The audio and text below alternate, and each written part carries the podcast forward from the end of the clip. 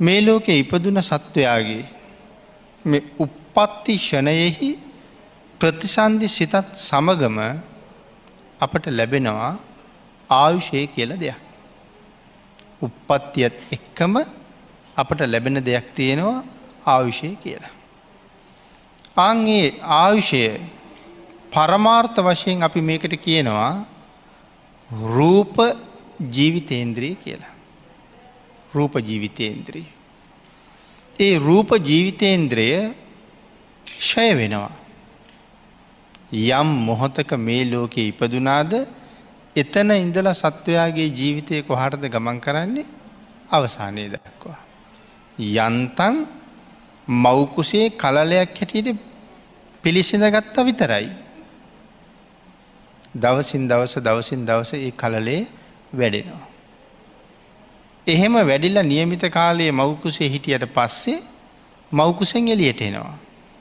නමුත් එදා යම්ෂණයක කලලයක් හැටියට හටගත්තද මවකුසෙන් එලියට එනකොට මාස නමය හමාරක් දහයක් ආසන්න වෙලා. එතකොට ජීවත්වෙන්ට තිබ්බ කාලි දැ මවකුසෙන් එලියට ඇවිල්ල ගත වෙන තප්පරයක් තප්පරයක් තප්පරයක් ගාන මේ ළමය කොහට දෙයන්නේ මරණය හොයාගෙන. අපිට ඒක තේරෙන්නේ දවසින් දවස දවසින් දවස දරුවා ලොකු වෙනවා කියලා. නමුත් දරුවට අහිමිවීමක් තියෙනවා. තප්පරයක් ගාන යායට මොකක් දහිමි වෙන්නේ එයාගේ ජීවිතය අහිමි වෙනවා. එනම් මෙතන සඳහන් කළා ඒ ප්‍රතිසන්ධිෂණයෙහි ප්‍රතිසන්ධි සිතත් සමගම අපිට ලැබෙනවා මේ ආයුෂය කියල දෙයක් ඒකට අපි කියැනෙ රූප ජීවිතේන්ද්‍රිය කියලා හැබැයි ඒක බොහොම වේගෙන් ෂය වෙනවා.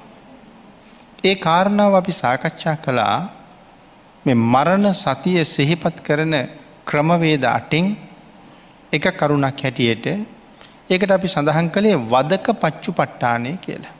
හැම වෙලාවෙම හිතන්ඩෝනි මගේ පිටිපස්සේ වදකයකින්නවා. වදකයා කියලා කියන්නේ කොහොමත් ජීවිතය නැති කරන්න ඉන්න කෙනානේ. දැන් කඩුව අමෝරගෙන පිටිපස්සේ ඉන්නවා. එයා නැති තැන නැති තැනක් නෑ. පාරිත් යනකොට එනවා නාණ්ඩ යනකොටත් එනවා කෑම මේසි ළඟත් ඉන්නවා හාල් ගරණ තැනත් ඉන්නවා වැසිකිලිය ඇතුළෙත් ඉන්නවා නානකාමරය ඇතුළෙත් ඉන්නවා මේ හැම්මත් තැනම මෙයා කඩුව අමෝරගෙන ඉන්නවා. මොකද පින්නතින ඔය ඕනැම තැන අපි මැරෙන්න්න පුළුවන්නේ. එහෙනම් ඕනැම වෙලාවක මෙයා කඩුව පාත් කරන්න පුළුවන්. එහෙනම් වදකයා කඩුව අමෝරගෙන පිටිපස්සේ ඉන්නකොට කොච්චර බයින්ද ඉන්නේ. හැබෑවටම වදකයා පේන්ට නැතත් ඒ දේ ඕන තැනක වෙන්ඩ වෙන්ඩ පුළුවන්. ආං ඒක සිහිපත් කරන එකයි වදක පච්චු පට්ටානය කියලා සඳහන් කළේ වදකයෙක් එළඹිලා ඉන්නවා වගේ ජීවිතය කොයි වෙලාව අරගනීද දන්නේ නෑ. එනිසා සඳහන් කළා තැනක ඉඳගෙන හිටියත් ගමනක් ගියත් අපි ගිහින් තියෙනෙ කොහාටද මරණය ළඟට. අපේ ගෙදර ඉඳලා අපි ළඟ තියෙන ගෙදරට යනවා. මව්පියෝ මහගෙදර ඉඳලා දරුවන්ගේ ගෙදරට යනවා. අපි යන්න දරුවන්ගේ ගෙදරට. අපි ගිය මරණය ළඟට. ආපහු ගෙදර යන ගමන් අපි යන්න මරණය ළඟට. ඉස්සරහට ගියත් පිටි පස්සට ගියත් වතුරේ ගියත් අහස ගියත් කොහැට දෙයන්නේ මේ යන්නේ මරණය පැත්තට. අං ඒක නිසා සඳහන් කළා මේ කාරණාව දිහා මනාව කෙනෙක් විමසිල්ලෙන් බැලූ හම මරණය කරා මොන තරං වේගෙන් අපි යනවද කියන කාරණාව යායට වැටහෙන්ඩ පටන් ගන්නවා කියලා. ඊළඟට පින්නතුනී මේ සම්මුති මරණයේදී තමයි මැරෙන්ඩ කාලයක් තියෙන්නේ. ෂණික මරණ සම්මුති මරණ කියල අපි කියනවා. සම්මුති මරණයේදී තමයි මැරෙන්ඩ කාලයක් තියෙන. දැන් අපි අපේ කල්පනාව මේ මැරණකං ජීවත්වෙනවා කියලන්නේ.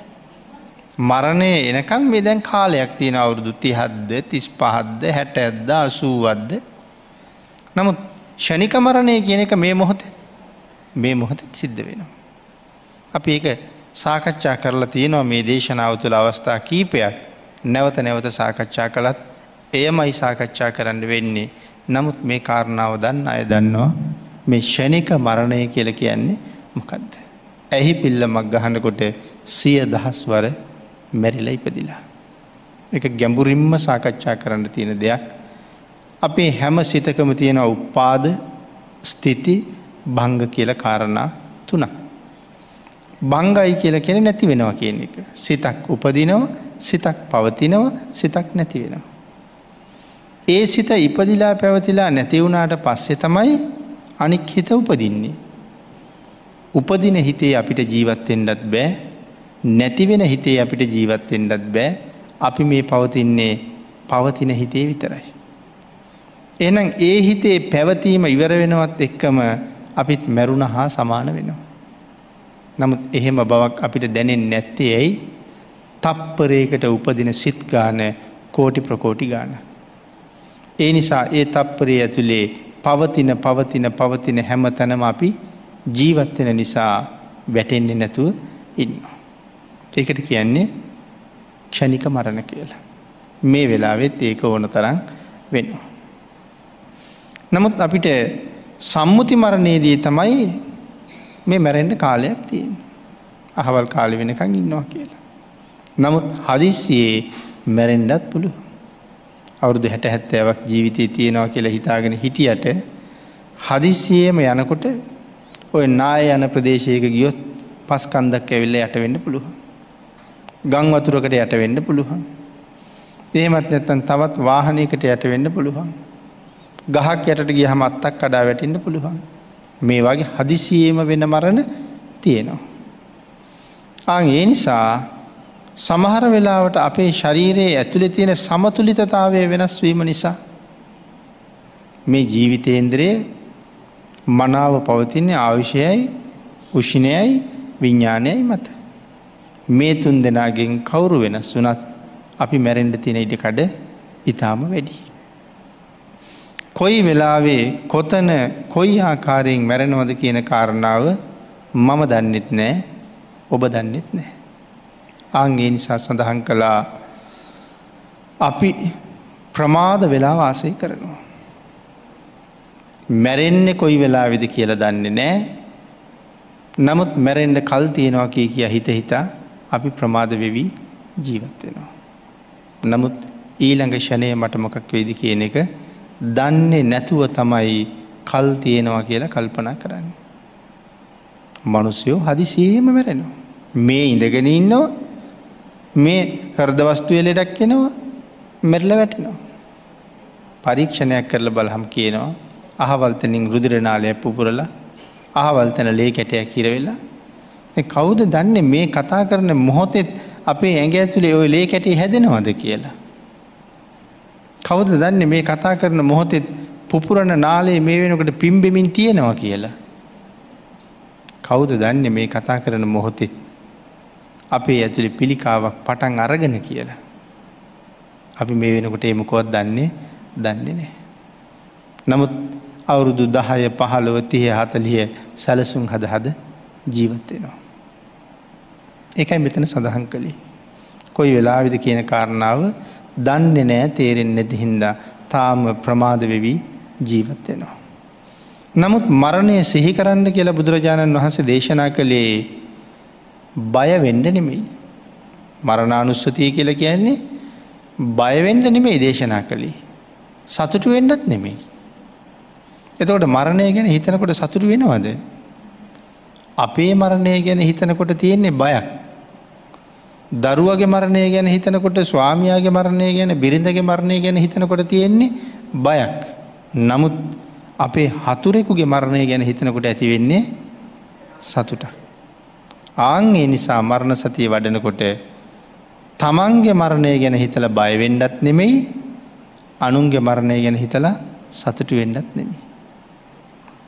බය ඇතුළි තියෙන්නේෙත් දවේශය දුක කනගාටුව බය කියන මේ ධර්මතා ඇතුළි තියෙනවා ඉතාසියුම් දේශයක්. සතුර මැරෙනකොට සතුටු වෙන්නේ දේශයක් හින්දා. එතකොට පිනතිනි දවේශය කියන ධර්මතාවය මත ඉඳගෙන කවදාවත් පින් කරන්න පුළුවන්ද බයකුසද චෛතසිකයක් උඩ ඉඳගෙන පින් කරන්න බෑ. එනම් මරණයට බයවෙලා මරණ සතිය වඩන්ඩත් බෑ මරණය ගැන සතුටු වෙවී මරණ සතිය වඩන්න බෑ. හතුරාගේ මරණය අරමුණු කරන්නත් එපා තමන්ගේ මරණය මුලින්ම ගණ්ඩත් එපා කියන කාරණාව අපි මුලින් සාකච්ඡා කළේ ඔය හින්ද. ඊළඟට මෙතන සඳහන් කළා සිහි කරණ්ඩෝනේ බයෙන් නෙමෙයි සිහියෙන් සහ ප්‍රඥාවෙන් මරණය සිහි කරන්න ඕනි සිහියෙන් සහ ප්‍රඥාවෙන්. අන්න එතකොට තමයි නීවරණ තියෙනවද එහෙම නැත්තම් විශේෂයෙන් ප්‍රඥාවෙන් යුක්තව මරණය සිහිපත් කරනකොට අපිට නිතරම හිතනව තිසරණ තියෙනවද කියලා. අද මේ කොහොම හිටියත් මේ හැම කෙනෙක්ම අවිවාදයෙන් කර්මය කර්ම පලේ දන්න අය දන්නවා රැකවරණයක් තියෙන්නේ බුදුරජාණන් වහසගාව විතරයි කිය. ලෙඩ වෙනකොට ඇවිදින්ට බැරි වෙනකොට ආය නැගිටල ඇවිදින් නැතිවෙයි කියලා හිතනකොට යහන මත එක්තැන් වෙනකොට මතක් වෙන්ට පටන් ගන්නවා බුදුරජාණන් වහන්සේ. වෙන රැකවරණයක් පිහිටක් සරණක් කොහෙවත් නෑ. තිසරණ තියෙනවද. දැම් මට බුදුන් සරණ තියෙනවද දහම් සරණ තියෙනවද සඟුම් සරණ තියෙනවද. මම සිල්වත්ද කොච්චර කල් මම සිල් රැකල තියෙනවද. කොච්චර කල් මම දන්දීල තියෙනවාද. මේ දේවල් කල්පනා වෙනවා. ඇයි මැරෙනවා බණ අහල තියෙනවා සතරාපාය ගැන අහල තියෙනවා ඇහුව මිසක් සතරාපායට විරුද්ධෝ වැඩ කරලා නෑ. නිරේට විරුද්ධෝ වැඩ කරලා වැඩ කරලා නෑ. කරපු හැම වැඩක්ම වැඩියෙන් කරලා තියෙන්නේ නිරයට සතරාපායට පක්ෂපාතිීව. දැන් තමයි හිතෙන්නේ මං මොනවද කරලා තියන්න කියලා. ආං ඒ වෙනකොට සමහරලාට කෙනෙකුට ඇති වෙන්නේ ලොකු බය. සිල්වත් බව හරී වටිනවා. පිනතුන අපි මෙහෙම හිටියට හැමදාම සිල් රැක්කෙත් නෑ හැමදාම දන්දුන්නෙත් නෑ හැමදාම භාවනා කළිත් නෑ. අපි ඉපදිච්ච කාලියෝව කළිත් නෑ. ඉස්කෝලිගිය කාලි කළෙත් නෑ.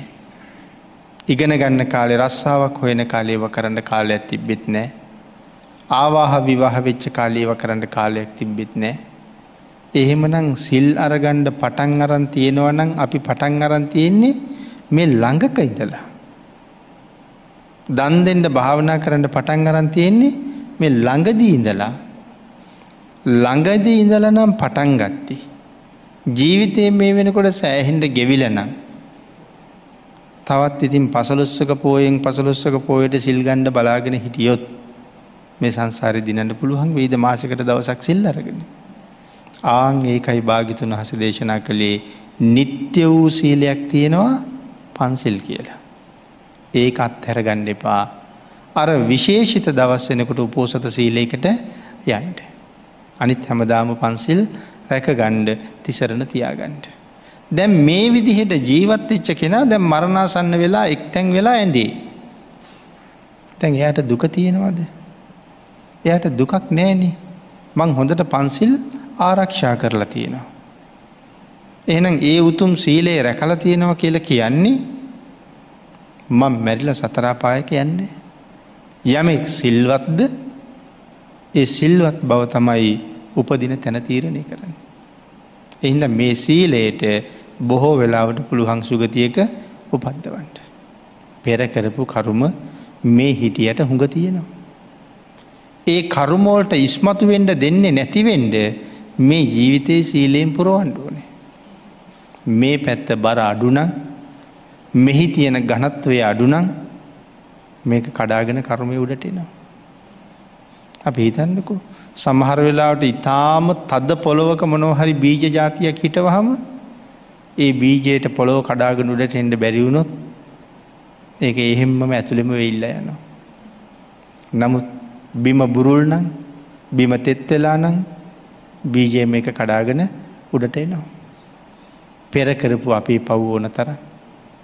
මේ ජීවිතයේ ඒ පව පාගණ්ඩ ශක්තිය නැත්තං යට කරලා තියන්ට ශක්තිය හොයල නැත්තං යන්තන් සිල් රැකල තිබුණට පෙර අකුසල් ඉස්මතුවෙන්ඩ පුළුවන්.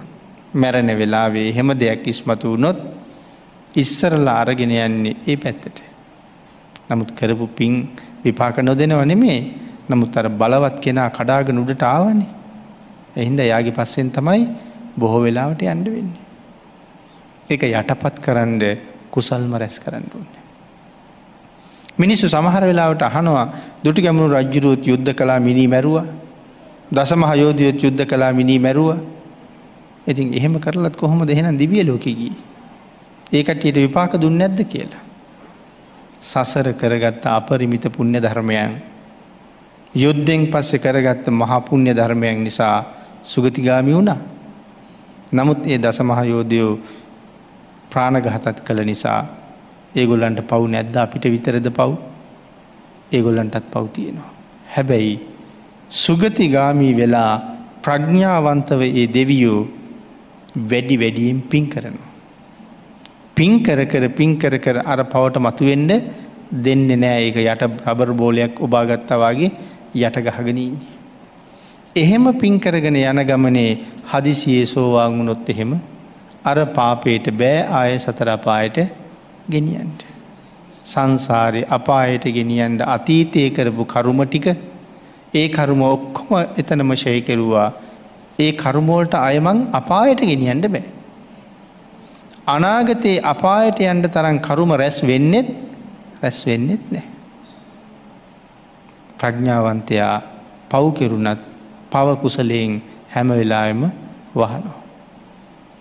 එන පිනතුනි මෙතන සඳහන් කළේ අපි මනාව සිල්වත් නං ගුණවත් නං මරණ මංචකයේ දුකයි බයයි දෙකම නැතුව යන මොකද මේ ඉන්නවට වඩා හොඳ තැනකනං උපදින්නේ කවු දෙතෙන්ට යන්න බය කවු දෙතෙන්ට යන්ඩ අකමැති.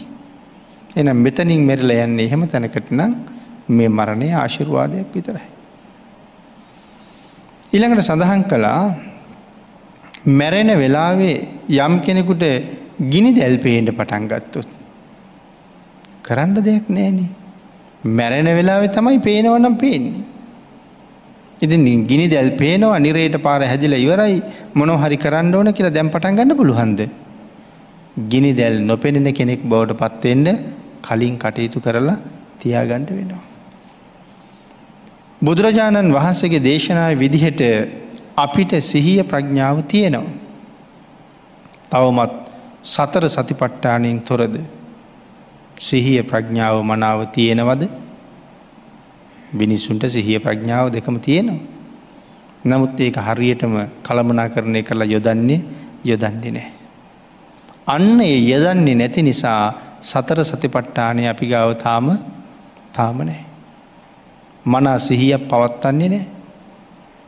සමහර අය කියනවා පන්සිල් රකිින්ට හරි අමාරුයි කියලා. ඇත්තටම සිල් රකිින්ට කියලා කියන්ඩ හරි ලේසි.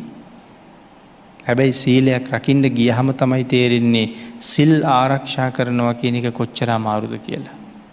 එතට එල මිලා බලන්ට ඕනේ.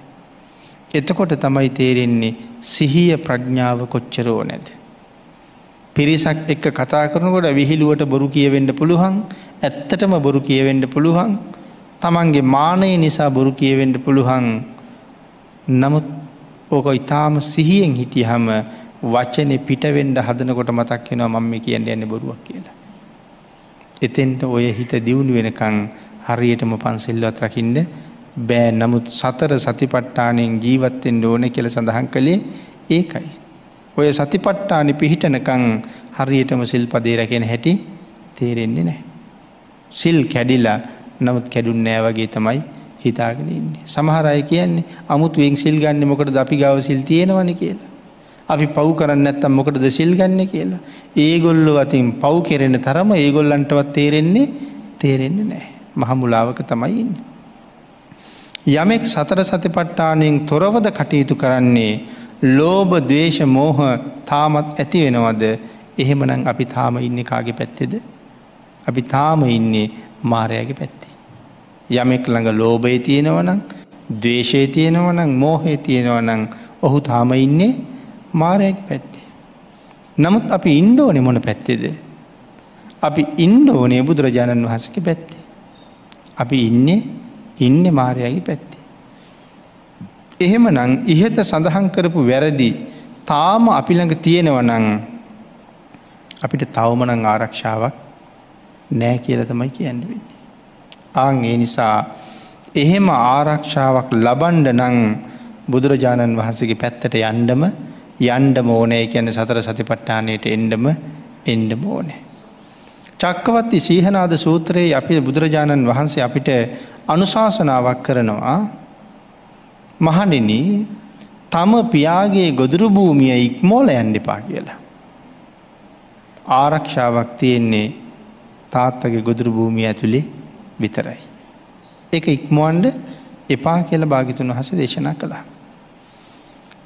මේ අවවාදය කළේ කාට වගේද දරුවන්ට වගේ. තමන්ගේ පුත්‍රයන්ට වගේ. අපි සියලු දෙනාම බුදුරජාණන් වහන්සේ දැක්කේ සංසාරය අහිංසකි. අහිංසක දරු පිරිසක් වගේ. මහාබිනිෂ්ක්‍රමණය කරන වෙලාවි රාහුල කුමාරයා පිළිබඳව තිබ්බ සෙනෙහස. නමුත් අතට ගණ්ඩ ළඟට ගණ්ඩ බැරි වුණා. එදාම ඉපදිච්ච තමන්ගෙම දරුවා ඉස්පර්ශයවත් කරන්න බැරි වුණා නමුත් කල්පනා කළේ මම මේ යන්නේ ඔබට සෙනෙහස නැතුව නෙමෙයි. මගේ සෙනෙහස ඔබට විතරක් නෙමෙයි සකල ලෝක සත්වයාටමයි. ඔබට යම්සේ ආදරයක් තියෙනවාද ඒක සකල සත්වයන්ටම එහෙමයි සකල සත්වයන්ට මගේ යම් ආදරයක් තියෙනවනං ඒ ආදරය ඇතුළි ඔබත් ඔබත් ඉන්නවා. සියලු දෙනාටම ඒ පිහිට වෙන්ඩයි ආවේ අපි පුත්තු හැටියට දැකලා. හැබැයි අපි දරුව හැටියට දැක්කා. නමුත් පුත්‍රස්නයහෙෙන් කවදාවත් ලොවතුරා බුදුරජාණන් වහසේ මුලා වෙන්නේ මුලා වෙන්නේ නෑ. මගේ කෙනා ඔබේ කෙනා කියලා හිතුවේ නෑ හැම කෙනාම දැක්කේ එකම විදිහට. ඉතාම සිහියෙන් ප්‍රඥාවෙන් වැඩ ඉඳමින් අපිට උපදේශයක් දෙනවා සතර සතිපට්ඨානය හැම වෙලාවිම පවත්ව ගණ්ඩ කියලා. අන්න ඒ නිසා තමයි මරණය නිතර නිතර සිහි කරන්න කියලා අපිට දේශනා කළේ. පිංගොතුන ආකාර අටක් තියෙනවා කියලා අපි පැහැදිලි කළා. මරණ සතිය වඩන්ඩ ආකාර අටක් තියෙනවා කියලා අපි පැහැදිලි කරලා තියෙනවා නැවත නැවත මෙනෙහි කිරීම් වලේ සිතට ආසේවනය කියන ප්‍රත්තිය ලැබෙනවා. මේ ආකාර අට එකක් එකක් ගාන මෙනෙහි කිරීම තුළින් හිතට ආසේවනය කියන ප්‍රත්ති ලැබෙනවා. චිත්තං ආසේවනං ලබති හැබැයි මේ ආකාර අටෙන් එක ආකාරයයි ගණ්ඩුවන. මරණ සතිය වඩන්ඩ ආකාර අටක් තියෙනවා ඒ අටෙන් අපි ගණ්ඩෝනේ එකයි. ඒක තමයි මෙදිහි කරන්න ඕනි. මෛත්‍රී කර්මස්ථානය දියුණු කරනකොට අපිට කාරණා තියෙනවා නිදුක්වේවා නිරෝගිවෙම්වා සුවපත්වෙම්වා මේ අදි වශයෙන් කරුණු කීපයක් තියෙනවා මේ කීපය මරං අපිවාගේ අයට දියුණු කරන්න බැරුවයනවා. එකක් අරගෙන ධ්‍යාන මට්ටම දක්වා වඩන්ඩ කියලයි කියන්නේ. මම නිදුක් වෙම්වා නං මම නිදුක් වෙම්වා කියන එක තමයි ධ්‍යාන මට්ටම දක්වා වඩන්ඩ කියලා දේශනා කරන්න. නමුත් හතරක් පෙන්නලා තියෙනවා කැමති එකක් අරගන්ට. මෙතනත් කරුණු අටක් පෙන්නලා තියෙනවා අටෙන් කැමති එකක් අරගන්ට. කැමති ආකාරයකින් අටෙන් එකක් අරගණ්ඩ කියල සඳහන් කළේ නිසා. එක ආකාරයකින් නැවත නැවත මෙනෙහි කිරීම් වශයෙන් හිතට ආසේවනය කියන ප්‍රත්තිය ලැබෙනවා. අටාකාරයෙන් එක් ආකාරයකට අනුව මෙනෙහි කළ යුතුයි කියල සඳහන් කළා මරණා රම්මනා සති සංතිෂ්ඨති. මරණය ඉතාම සිහියෙන් ප්‍රඥාවෙන් අරමුණු කරන්න පුළුවන් වෙනවනං යම් කෙනෙකුට බය නැතුව මරණය ගැන බය ඇති කරගන්න නැතුව මනාව මරණය ගැන සිහියෙන් ප්‍රඥාවෙන් අරමුණු කරන්න පුළුවන්නන් නීවරනානී වික්කම්බති නීවරණ ෂය වෙනවා. ආය එන්නේ නැති වෙන නීවරණයන්ට ලොකු ඉඩක් නෑ. දැ මරණය ඕනැම වෙලාවක එන්ඩ පුළුවන්නේ. ඒකන මේ කතා කරන්න අපි ගණන්ගන්න නැතිවුණාට කෑම ටික අනලා කටේ තියාගණ්ඩ ගන්න අතරතුර මැටල වැටෙන්න්න පුළුවන්. කටේ තියාගට්ට ටික උගුරෙන් පල්ල හැට යන්න කලින් මෙරල වැටෙන්න්න පුළුවන්. අද උදේට ආහාර ගත්තේ ජීවිතය ගත්ත අන්තිම කෑමවේල වෙන්ඩ පුළුවන්. දවල්ටත් මේ පින්නතුන් ආහාර අරංනං අපේ අයි කාටවත් සහතිකයක් දෙන්න පුළුහන්ද අදරෑටත් කෑම කණ්ඩිදී කියලා. ඒ තරම්ම මේ ජීවිතය අස්තිරයි. ඕක හරියට සිහියෙන් ප්‍රඥාවෙන් මෙනෙහි කරන්න ගත්තොත් ඇත්තටම ඇහැ පිනවන්ඩ හිතෙනවද. අද හැන්දෑවේ හයවෙන්ඩ කලින් මං මැරෙනව නං කාටවත් හිතනවද රූපවාහනී ගවට ලයිඳකන ටෙල්නාටියක් බලන්ට කාටවත් හිතනවද මැරෙන් ඉස්සල සංගීත සංදර්ශනය හන්ඩෝනය කියල කණ පිනවන්ඩ යන්ඩ කාටවත් හිතනවද මොනොහරි රසවත් කෑමක් හදාගනු ජහර කණ්ඩෝන කියලා දිව පිනවන්ඩ එහෙම එකක් එන්නේනේ ඒකයි කීවේ නීවරණ වික්කම්බනය වෙනවා කියලා. සිහියෙන් ප්‍රඥාවෙන් මේක මෙනෙහි කරනකොට මරණය මේ දැන් ළඟට එනවා කියලා හිතෙනකොට පංච ඉන්දරයන්නම් පිනවන්ඩ හිතෙන්නේ නෑ කරගණ්ඩ බැරිවෙච්ච පින්කමක් තියෙනවාද දීගණ්ඩ බැරිවෙච්ච දානයක් තියෙනවද කියන කාරණාව තමයි අරමුණුවෙන්නේ වැඩි වැඩි වශයෙන්. පබ්බතූපම කියන සූත්‍ර දේශනාවෙන් මරණ සතිය තුළ අපියෝක කතා කළා. පබ්බතූපම සූත්‍ර දේශනාව කොසල් රජ්ජුරුව මුල් කරගෙනයි දේශනා කරන්නේ. රජ්ජිරුවන්ගේ අහනෝ මහරජය ඉතාම විශ්වාසවන්ත කටයුතු පුද්ගලයෙක් ඇවිල්ල රජ්ජිරුවන්ට කියනවා නැගෙන හිර පැත්තිෙන්. ගෞගානක් දිග ගෞගානක් උස ගෞගානක් පලල මහ විශාල පරුවතයක් ඒ පැත්තේ ගෙවල් දොරවල් කැලෑවල් ඔක්කොම පොඩි කරගෙන සත්තු සිව්පාව් මරාගෙන පෙරලි පෙරලි පෙරලි පෙරලි අපේ රාජ්‍ය පැත්තට දෙනවා. ගෞගානක් දිග උස කන්දක් රෝල්ලි වියනවා කියල කිය හම ඒ පැත්තට වෙන්න මොකක්ද කියන එක අය කියන්න ඕන්නෑ නේ. එතකොට දැන් එක කන්දක් නැගෙන හිට පැත්තිඳල මෙහාට එනවා මේ රටේ ඉන්න මිනිස්සුන්ට තුම් පැත්තකට දුවල බේරෙන්ඩ පුළුවන්. නමුත් ඒ එක කන්දක් එනවන. නමුත් නැගෙන හිර පැත්තෙන් එක කන්දක් එනවා ස්වාමීණි කියල කිය හම බස්නා හිර පැත්තෙන් එනෙක් කෙන කියනව ස්වාමීණි බට හිර පැත්තිනුත් එකක් කියෙනවා. උතුරු පැත්තෙන් ආපුයක් කෙන කියෙනව ස්වාමිනි එහෙනුත් ඒවාගේ එකක් කෙනවා දකුණු පැත්තෙන් ආපු කෙන කියනව ස්වාමිනි එහෙනුත් එකක් කියෙනවා. දැන් හතර පැත්තෙම එනවා. කොහාටද දුවන්නේ. ඇජිරගේ භාගිතුන් වහස යන මහරජ මොකද කරන්නේ. ස්වාමිනි කරන්න දෙයක් නෑ. මෙතෙක් කරගත්තේ නැති යම් පින්කමක් තියෙනවනම් වහවහායක කරගණ්ඩයි තියෙන. වෙනන කරන්න දෙයක් කරන්න දෙයක් නෑ. රජ්ජුරුවන්ට කොච්චර රත්තරන් තිබුණද. රජ්ජුරුවන්ගේ තිබිච්ච රත්තරං ප්‍රමාණය මුතු ප්‍රමාණය මැනික් ප්‍රමාණය සීමාවක් නෑ. දාසයන්ගේ ප්‍රමාණය අස්්‍යයන්ගේ ප්‍රමාණය ඇත්තුන්ගේ ප්‍රමාණය විශේෂ අස්වයෝ විශේෂ ඇත්තු එතකොට ගබඩ අපුරෝලා තිබිච්ච තව කහවනු අන්තපුරේ හිටපු තමන්ගේ විශේෂිත පිරිස දැන් රජ්ජුරුවන්ට ඒගොල්ලො ගැන කල්පනා වෙනවාද ඒ කිසි කෙනෙක් දෙන වැඩ කල්පනාවක් නෑ දැන් ඒ කිසි කෙනෙකුගින් ඇති වැඩකුත් නෑ හතර පැත්තෙම කොටු වෙලා ඉන්න මාරයට තැන් ඒ කාකිවත් වැඩක් නෑ. වැඩක් තියෙනව නං වැඩක් තියෙන්නේ මෙතෙක් කරගත්ත කුසල කර්මෝලින් විතරමයි මේ වෙලයි ප්‍රෝජනයක් තියෙන්නේ. අන්න ඒ නිසා මෙතන සඳහන් කළා රං රිදී මුතු මැනික් වලින් වත් ප්‍රයෝජනයක් නෑ මොකද ටික වෙලාවයි තව ජීවත්තෙන්ට ජීවත්තෙන්ට තියෙන්නේ. දැන් තමන්ට පිහිටට ඉන්නේ කරපු කුසලයයි ඒ වගේම තුනුරුවනයි විතරයි. මේ වෙලාවේ විශේෂ පැහැදීමක් බුදුරජාණන් වහන්සේ ගැන ඇති වුණොත් ඒකත් පින්නතෙන සංසාරයේ වෙනස් කරන මහපුදුම කඩයිම. අන්න එතකොට තමයි තේරෙන්නේ හැබෑවටම බුද්ධ රතනයක් කියලා. තාම රතන තේරෙන්නේ තේරෙන්නේ නෑ. රතන කියන්නේ මැනික්වලටනේ අපි මැනික් ගැන ඕන තරන් අහල තියෙනවා. හැබැයි අර සක්විති රජ්ජුරුවන්ට පහළ වෙනවා වගේ මහරය අහසට ඔසෝ හම හැතැක් මහාරසීයක් විතර තන් යොදුන් විසි පහක් විතර ඉර පෑව්වා වගේ එලිය කරන මැනික් අපි දැකලා දැකල නෑ. එහෙම මැනික් තියෙනවා. අහසට ඔසෝ හම යොදුන් විසි පහක් ඇතැක් මහාරසීයක් විතර තන්නි කරම ඉර පෑව්වා වගේ එලිය වැටිලා. ආං ඒවාගේ මැනික් අපි දැකල නෑනේ. ඊටත් වඩා තවත් උතුම් මැනික් ඇති. ඒවටත් කීවේ රතන කියලා භාගිතුන් වහසට දේශනා කළේ රතන කියලා. නමුත් මේ බුද්ධ නැමති සූරයාගේ ආලෝකය කෝටි ලක්ෂයක් සක්වලක සහ ඊටත් එහාට පතුරුවන්ඩ පතුරුවන්න පුළුවන්. විශ්ව දහත්වේ කවදාවත් එලියක් වැටෙන් නැති තැන් තමයි ලෝකාන්තරික මහනිරේහෙම.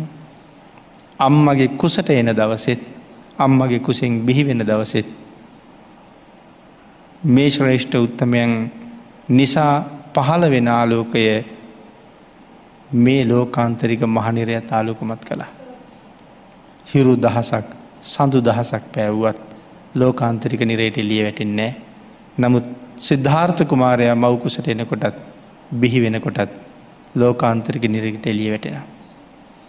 එහෙමනම් අරමැනික එච්චර එලිය නං බුද්ධ හැමති සූරයක් කොච්චර එලියද කියන එක මන් සඳහන් කළේ. එහෙනම් තේරෙනවා දැන් තමයි භාගිතුන් වහස රතනයක්. මට උන්වහන්සේ හැර වෙන කාගවත් සරණක් නෑ. අපි පිනතුට මතකද මට්ට කුණ්ඩලීට වෙච්චදී. සිල් රැකලද පින් කරලද පෙර බහෝල කරලා තියෙන් නැති. අන්තිම මොහොතේ භාගිතුන් වහස දැකගත්තා. නමුත් ඉපදුනේ දිවියලෝක. බණ්ඩ අන්තිම වෙලා ඇතිවෙච්චි පැහැදීම තරම. අපේ දම්මපද පාලියක කතාවක් සඳහන් කරනවාර සැඩල් කාන්තාවක් මැරිල්ලා නිරේට යන්ඩයි ලෑස්තිය. බුදුරජාණන් වහස මහා කරුණාවෙන් දකිනෝ. අද මැරිල්ල නිරේට යන මැය මම මුණ ගැහුණොත් සුගතිගාමී වෙනවා. ඒ නිසා භික්‍ෂූන් වහන්සලා අඩගහගන අද ඒ පැත්තෙන් පිණ්ඩ පාතිට වැඩිය. අර මහළු කාන්තාවත් කොළපොතකුත් අරගෙන තමන්ගේ ගෙදරින් හිඟමනට ඇන්ඩෙලියට බැස්ස. පාර මගදි මුණ ගැහුණ බුදුරජාණන් වහසේ නතර වුණ ඇය පාරෙන් අයින් වුණ භාගිතුන් වහසේ වඩින් නැතුව ඉන්නවා මහමුගලන් මහරහතන් වහස කල්පනා කළයි වඩින් නැත්ති. මේ පැත්තට වැඩල තියෙන්නෙම මෑට පිහිටවෙන්ට. අර මහල්ලු සැඩොල් කාන්තාවට කිව්වා දැකගණ්ඩ වැඳගණ්ඩ මේ ලොවතුරා බුදුරජාණන් වහස කියලා. ඇය ප්‍රීතියෙන් පිනාගිහිල්ලා භාගිතුන් වහස වන්දනා කළා. වන්දනා කරලා නැගිට්ට භාගිතුන් වහසේ වඩිනවා ඇයේ දිහ බලාගෙන හිටිය. ඒ මොහොතේ ඇයි මැරෙනවා. මැරුණ ගමන් කොහෙද උපදින්නේ දිවියලෝකි. අද මැරිල්ලා අපායට යන බව කලින් දැක්ක. නමුත් භාගිතුන් වහසේ දැකලා වැඳගත්ත නිසා ඇයගේ ගමන සම්පූර්ණ කණපිට හැරිලා සුගතිය පැත්තර ගමන් කලා. එකයි මංකිව මරණ මංචකය නමුත් පහදින්ට පුළුහන්නන් ඒ අග්‍ර වූ පැහැදීමක් කියලා. එහෙනම් භාගිතුන් වහසේ හැර මේ ලෝකෙ සරණක් කවදාවත් නෑ කියන කාරණාවයි සහිපත් කළේ.